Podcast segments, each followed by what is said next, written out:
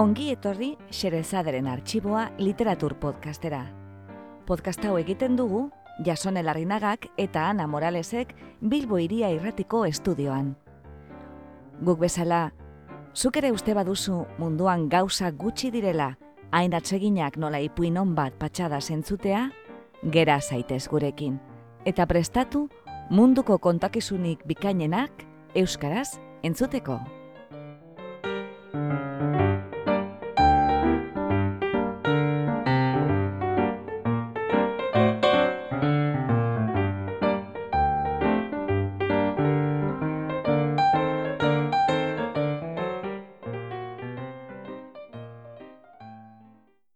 Gaur Xerezaderen artxiboan, oinezkoa.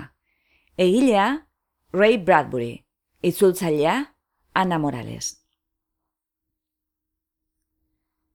Ray Bradbury mila bederatzeon da hogeian jaio zen Amerikako estatu batuetan, eta bi mila tamabian hiltzen. Genero asko landu bazituen ere, nobelista eta batez ere ipuinlaria izan zen, eta zientzia fikzioaren maizu handienetako bat. Irurogeta mabos novela eta irureon ipuin inguru idatzi zituen, eta horretaz gain antzerkia idatzi zuen telebistarako eta irratirako gidoiak, entzeioak eta bar eta bar. Bradbury amabi urterekin hasi zen idazten. Irudimenarekin zerikusia zuen guztia, bizipo ziturri agorte zina zitzaion, eta bere biziko gozamena hartzen zuen istorioak entzunez, irakurriz eta sortuz maite zituen nobelen jarraipenak idatzi zituen artean umea zela, eta irratian entzuten zuen fantasia eta aventura saioa emititzeari utzi ziotenean, buruz idazten hasi zen gauero entzunda zeuskan saioa ingidoiak. Familia apal batekoa izanik, ezin izan zen unibertsitatera joan. Irakurle amorratua zen, eta liburutegi publikoak izan zirenaren eskola. Arpilatu egiten omen zituen. Bradbury, liburutegi publikoen sistemaren defendatzaile sutzua izan zen bizitza osoan. Ira urteetan, diru bilketa kantoratu zituen aurrekontu faltak arriskuan jarritako liburutegien alde. Ilondoan ere, bere herriko liburutegi publikoari utzi zion bere txeko liburutegia. Izan ere, Bradburyk sorionarekin lotzen zuen irakurtzearen esperientzia, baina baita pentsatzeko askatasunarekin ere eta liburutegiak alternatiba ziren unibertsitatera joateko dirurik ez zuten bera izan zen bezalako ume pobreentzat. Los Angelesen biziarren, ez zuen sekula gidatzeko baimenik atera, garraio publikoz, bizikletaz eta oinez ibiltzen eizen. Zientza fikzioko idazlearen etiketa, Merchant Chronicles edo Marteko kronikak liburuarekin etorri zitzaion, non kontatzen zituen lurreko biztan lehen lehen saioak Marte kolonizatzeko eta martetar baketzuen erresistentzia. Kritika sozialeko liburua zen zientzia fikzioa beste. Gerra nuklearraren beldurra, bizitza simplaren naia, arrasakeria eta zentzura ziren han landutako gaietako batzuk. Bradburyren libururik ezagunena Fahrenheit lau bost bat novela da liburuak debekatuta dauden mundu bat deskribatzen du. Liburu guztiak erretzen dituen estatu totalitarioaren aurkako erresistentzian, matxino talde bat, literatura eta filosofiako liburu osoak buruz ikasten hasten da. Bradburyren libururik irakurri espaduzu, behar bada uste izango duzu, ez duzularen lanik ezagutzen, baina apika, uste baino gehiago ezagutuko dituzu. Bradburyk hainbat gidoi idatzi zituen The Twilight Zone telesailerako, iluna barra aldea, ETB baten ematen zutenean, eta Alfred Hitchcock Presents telesailerako. Alfred Hitchcock presenta, Espainiako telebistakatean. Horrez gain, berak idatzi zuen John Houstonek zuzendutako Moby Dick filmerako gidoia, non Gregory Peckek ahab kapitainaren rola egin zuen. Bradburyren The Homecoming ipuinak Zerikusi handia izan zuen Charles Adams komiki gileak, The Adams monstro familia sortzeko. Adams familia gero zinera ere eraman zena hainbat pelikulatan. Bestalde, ikusi baldin baduzu A Sound of Thunder filma, trumoiaren soinua, jakizu Bradburyren izen bereko ipuinaren zinerako egokitzapena dela. The Butterfly Effect filmak ere, tximereta efektua, ipuin hori du inspirazio iturri. Gaur, oinezkoa irakurriko dugu. The Pedestrian, jatorrizko izenez. Bradburyren webgune ofizialean, autoreari egindako elkarrezketa baten bideoa ikus daiteke, eta bertan asaltzen du, gauza interesgarri askoren artean, oinezkoa, berari benetan gertatutako esperientzia batean oinarritua dela. Eta historio hori, Fahrenheit lau bos bat libururako lehen pausoa izan zela. Alegia, ideia hori garatuz idatzi zuela gero Fahrenheit lau bos bat. Beste gauza esanguratzu bat ere asaltzen du. Bera ez dela zientzia fikzioko idazlea, fantasia idazlea baino. Dio, bere zientzia fikzioko liburu bakarra Fahrenheit lau bos bat dela. Diferentzia? Fantasian kontatzen diren gauzak, irrealak dira, ezin litezke gertatu, dio Bradburyk. Zientzia fikzioa aldiz, erreala da, inoiz gerta daitekeena da. Hil aurretik Bradburyk bere epitafioa aukeratu zuen. Honako audio. Ray Bradbury. Fahrenheit lau bost bat idatzi zuen. Eta orain, entzun dezagun, oinezkoa.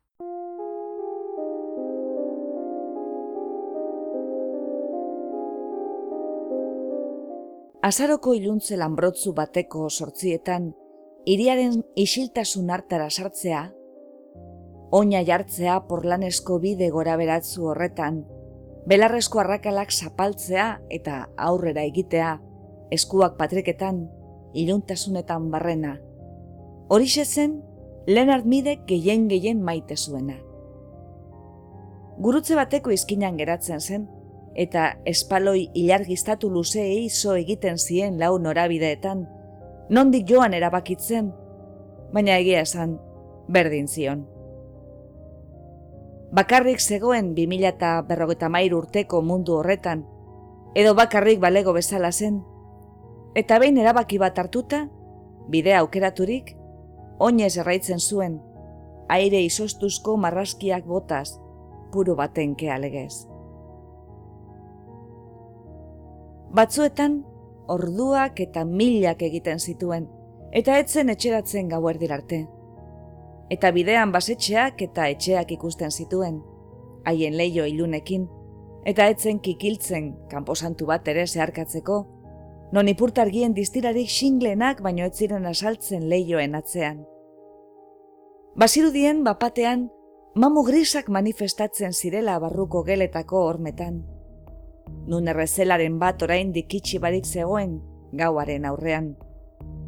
Edo ahopeko ahotsak eta zurrumurruak entzuten ziren hilobilako eraikinen batean, nun leio bat oraindik zabalik zegoen. Leonard Mead gelditu egin zen. Burua makurtu entzun, begiratu, eta aurrera jarraitu zuen. Haren oinek zaratarik egin gabe bide pikortzuan. Izan ere, aspaldi hasia zen, zuhur, zapatilak erabiltzen gaueko paseoetan, tako gogorrak erabilizkero, txakurrek, eskuadroi intermitenteetan, bide paraleloa egiten baitzuten zaunkaka, eta gertazitekeen argiak piztea eta arpegiak agertzea eta kale oso bat astoratzea figura bakarti baten pasaerarekin, berearekin, azaroko iluntzeko lehen orduetan. Iluntze konkretu honetan, mendebalderantz ekin zion bideari, itxaso eskuturantz. Kristalesko lehi handia zegoen airean, ebaki egiten zuen sudurra eta sutan jartzen zituen birikak barruan, gabonetako zuaitz baten gizan argiotza, pizten eta amatatzen senti zitekeen, zuaitz adar guztiak elur ikuse zinaz beterik. Oinetako bigunek udazken orbelen gainean egiten zuten zarata motela entzun zuen atzeginez, eta txistu doinu hotz eta lehun bati ekin zion hortzartean, Noiz edo behin horri bat lurretik jasotzen zuela, eta ibili bitartean, haren ezurduraren marraskia aztertu, kaleko argi urrien argitan, haren erdoi lusaina usaindu. Haupa hor, esaten ziona OPK alde bakoitzeko etxe bakoitzari aurrera zijoala. Zer dago gaur laugarren katean? Eta zazpigarren katean? Bederatzi garren katean? Nora doaz kauboiak harineketan? Eta ez alda hori estatu batotako salditeria, horko muinoan, erreskatera dotorrela. Kalea luzea zen eta isilik eta utzik zegoen. Leonard Miden itzala besterik etzen mugitzen zapelatz baten itzala bezala zelaien erdian. Begiak itxi eta geldi-geldi geratuzkero, izostuta, bere burua irudika zezakeen lautada baten erdian, Arizonako basamortu negutar aizebako batean, etxerik ez mila-milatan, eta ibaien ibilgule horrak, kaleak, konpainia bakar. Eta orain zer dago? Galdetu zien etxeei, eskumuturreko erloioari begira. Arratzaldeko sortziterdiak, mm, askotariko dozena bat ilketarako ordua? Lehiaketa bat? magazin bat. Mm, komiko bat agertokitik bera jausten? Barre murmurio bat ote zen hori, etxe zuri ilargi kara hartatik zetorrena? Zalantza egin zuen, baina ezer gertatu etzenez aurrera jarraitu zuen. Estropezo egin zuen espaloiko zati bereziki gora beratzu batean. Porlana desagertzen ari zen belarre eta loreen azpian amar urteko ibileretan, gau ez edo egunez, milaka milatan, egundo etzuen beste ibiltaririk ikusi, ez da behin ere denbora hartan guztian. Ingura bide batera heldu zen, isilik orain, non bi autobide handik, iria zeharkatzen zuten. Egunez, autoen uolde trumoitzu batzen, gasolindegiak zabalik, somorro farfara itzela eta leku harrapatzeko etengabeko leia. Kakalardoak, insentzu bafada xumeak botaz ez dutuetatik, ziztuan zijoazela etxerantz, urrunerantz. Baina orain, autobide hauek ere, sasoi lehorrean dauden erreken antzekoak ziren. Dena harri eta ibilgu eta ilargi bristada. Buelta eman zuen alboko kale batetik eta etxerako bidean jarri zen. Elmugatik bloke batera zegoenean, bapatean auto bakartia errebueltan azaldu eta argi kono zuri bortitz bat zuzendu zion. Trantzean legez geratu zen, gautxi mereta baten antzera, argiak txundituta eta gero aresek erakarrita. ahots metaliko batek hitz egin zion. Geldi, geratu zauden lekuan, ez mugitu. Geratu egin zen. Eskuak gora. Baina, esan zuen. Eskuak gora, edo tiro egingo dugu. Polizia, jakina, baina ze gauza arraroa. Ze gauza sineste zina. Iru milioi laguneko irian, polizia auto bat baino etzen geratzen. Etzen ala? Aurreko urtetik, 2000 eta berrogeita mabitik, hauteskundeen urtetik, polizia indarra hiru autotik auto batera murriztua zen. Krimena gainberan zegoen. Orain ez zegoen poliziaren beharrik. Auto bakar hau baino ez zegoen. Bueltaka eta bueltaka kale utzetan. Zure izena, esan zuen polizia autoak xuxurla metalikoan. Ezin zituen barruko gizonak ikusi, argi distiratzuak begietan jotzen ziolako. Leonard Mead, esan zuen. Osenago. Leonard Mead. negozioa edo lanbidea? Esan genezake idazlea naizela. Lanbiderik ez. Esan zuen polizia autoak bere buruarekin berbetan bezala. Argiak inkatuta zeukan Leonard Mead, museoko espezimen bat legez, horratza bularrean sartuta. esan liteke bai, esan zuen mit jaunak. Urteak zera matzan idatzi barik. Orain, aldizkariak eta liburuak itziren saltzen. Orain, gauez, hilobilako etxeetan gertatzen zen guztia. Pentsatu zuen, bere irudimenaren ariari jarraiki. Telebistako argiak gaizki argitutako hilobietan. Nun jendea jesarrita egoten zen hildakoen moduan. Argi gris edo koloretzuek arpegia ukitzen ziela, benetan ukitu barik sekula. Lanbiderik ez. Esan zuen fonografo hautzak, txistu antzean. Zertan zabiltzakalean. Ibiltzen, esan zuen Leonard Mirek. Ibiltzen. Ibiltzen, besterik ez. Esan zuen simpleki, baina hotza sentitu zuen aurpegian. Ibiltzen. Ibiltzen besterik ez. Ibiltzen. Bai jauna. Ibiltzen nora. Zertarako. Ibiltzen aire hartzeko ibiltzen ikusteko. Elbidea. St. James amekagarrena. Eta zure etxean baldago airerik, mitjauna? Baduzu aire egokiturik? Bai. Eta etxean badaukazu pantailarik gauzak ikusteko? Ez. Ez? isilunek karraskari bat egon zen. Akusazio bat bere horretan. Eskonduta zaude, mit jauna? Ez.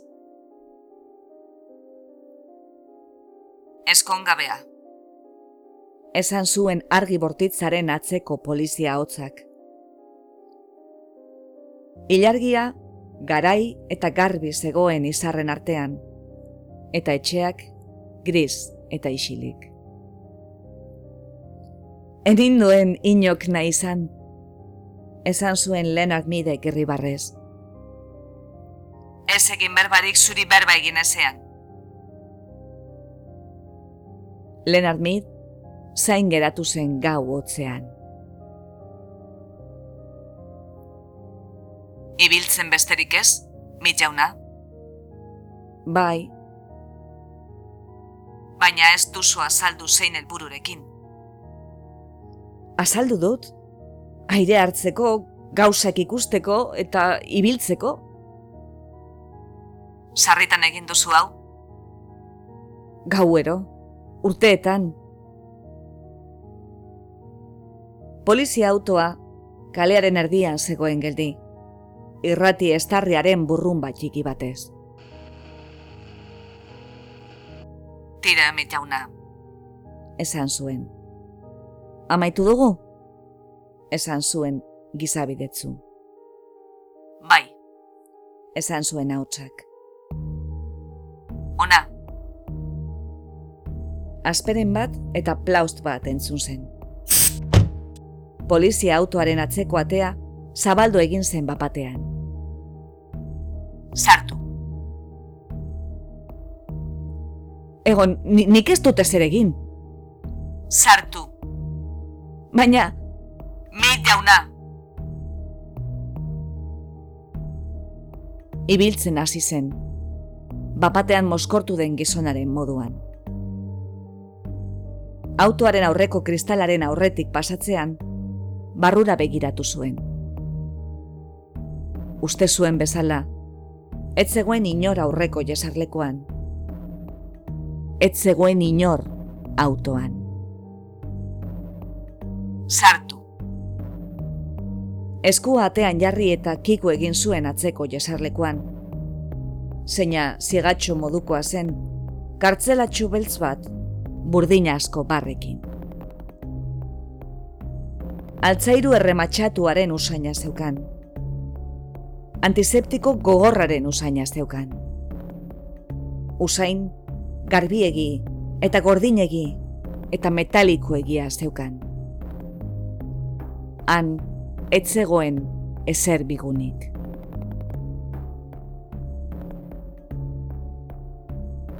Emazterik bazenu, kuartada eman aldizuna, esan zuen altzairuzko hautzak. Baina... Nora nara mazue? Autoak zalantza egin zuen. Edo, gehiago, klaska urruma bat egin zuen. Lekuren batean informazioa isurtzen ari balitz bezala, txartel zulatu bat bestearen atzetik, begi elektrikoen aurrean atzeranzko joeren ikerketarako zentro psikiatrikora. Autoan sartu zen. Atea, dan baleun batez itxi zen. Autoa, iribide gautuetan barneratu zen. Argi motelak dirdai, kalean aurrera. Handi gutxira, etxe baten aurretik pasatu ziren kale batean. Etxe bat, etxe ilunez betetako hiri oso batean. Baina etxe konkretu ark, piztuta zeuskan argi elektriko guztiak distira betean.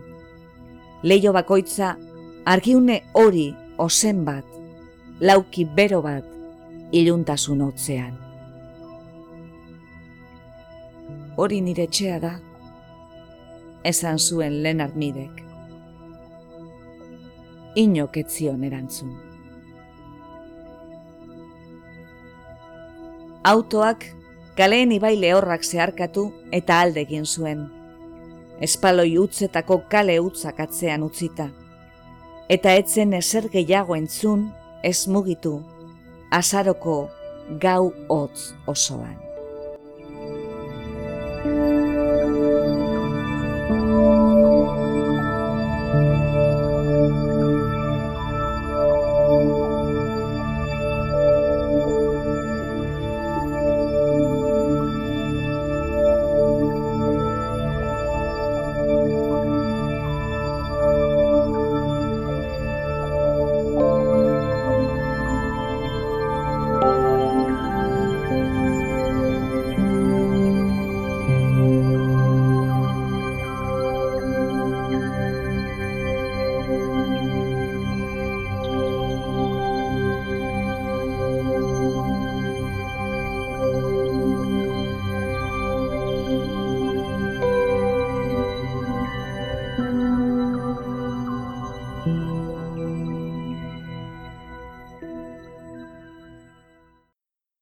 Entzun duzu, oinezkoa, egilea Ray Bradbury, itzultzailea Ana Morales.